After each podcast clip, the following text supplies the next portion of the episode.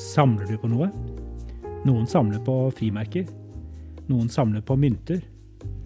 Noen samler på sure sokker og dårlige minner. Det siste har jeg ofte vært god på. Nå forsøker jeg i stedet å samle på verdifulle menneskemøter. De er mine skatter. Jeg samler på inntrykk, fotspor, verdier som mennesker har lagt igjen hos meg i løpet av kortere eller lengre tid vi fikk være sammen. I dag skal dere få møte Magne. Det sies at veien til mannens hjerte går via magen. Jeg tror det var dette språket min venn Magne forsto seg på da han en høstdag for 28 år siden traff meg i kantina på Misjonshøgskolen i Stavanger. Vi hadde møtt hverandre et par ganger på korøvelse. Jeg var ny student i byen. Magne hadde gått på Musikkonservatoriet en stund. Siden Misjonshøgskolen på den tiden hadde en bedre middagsmeny enn konservatoriet nede i Bjergsted, fikk vi stadig hyggelig besøk av naboene. Jeg hadde regnet ut at studentbudsjettet tillot omtrent én ukentlig middag i kantina, og dette var ikke den dagen. Skal du ha middag i dag? spurte Magne. Nei, jeg har niste, sa jeg. Kan jeg få spandere en middag på deg? sa Magne. Jeg ble litt forfjamset. Når sant skal sies, hadde jeg aldri opplevd at folk jeg knapt nok kjente, inviterte på middag. Jeg takket ja, og husker fortsatt at maten den dagen smakte usedvanlig godt.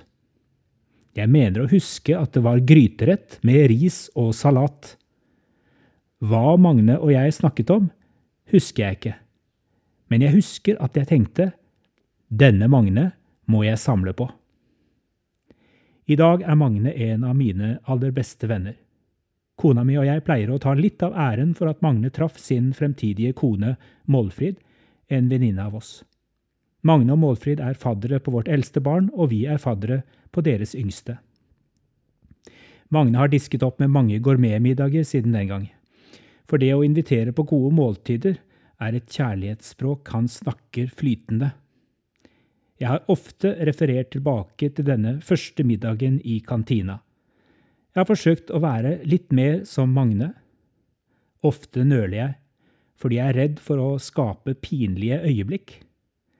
Når det gjelder godhetshandlinger, må hver av oss finne sin måte å gjøre det på, men jeg tror de fleste av oss har litt å gå på. Og jeg spør meg om vi hadde gjort det mer hvis vi hadde visst på forhånd hvor mye slike tilsynelatende små vennskapeligheter kan sette varige spor i oss mennesker. I Lukas 19 hører vi om da Jesus besøkte byen Jeriko. Bortgjemt i et tre fant han tolleren Sakkeus og sa til ham, Sakkeus, skynd deg og kom ned, for i dag må jeg ta inn hos deg. Han skyndte seg da ned og tok imot ham med glede, står det. Gjestfrihet kan noen ganger handle om at vi inviterer noen på middag. I tilfelle Jesus handlet det like ofte om at han inviterte seg selv på middag hos andre. På den måten ga han andre en mulighet til å vise ham godhet på deres banehalvdel, ut fra sin kjærlighetsstyrke. Jeg forsøker ikke å sammenligne meg med Jesus, men noen ganger har det slått meg at det å ta imot andres godhet på deres hjemmebane kan være like viktig som å gi godhet. For den dagen i kantina kunne jeg valgt å gjøre meg stolt. Jeg kunne ha sagt nei, jeg har da råd til å kjøpe meg middag selv. Kanskje hadde jeg da forpurret det vakre som var i ferd med å skje mellom Magne og meg. Jeg er evig takknemlig for Magnes raushet den dagen og jeg er lettet over at jeg ikke ga etter for den første impulsen til å takke nei og insistere på at jeg skulle betale selv. Slik fant Magne veien til mitt hjerte, og kanskje var det også slik jeg fant veien til hans.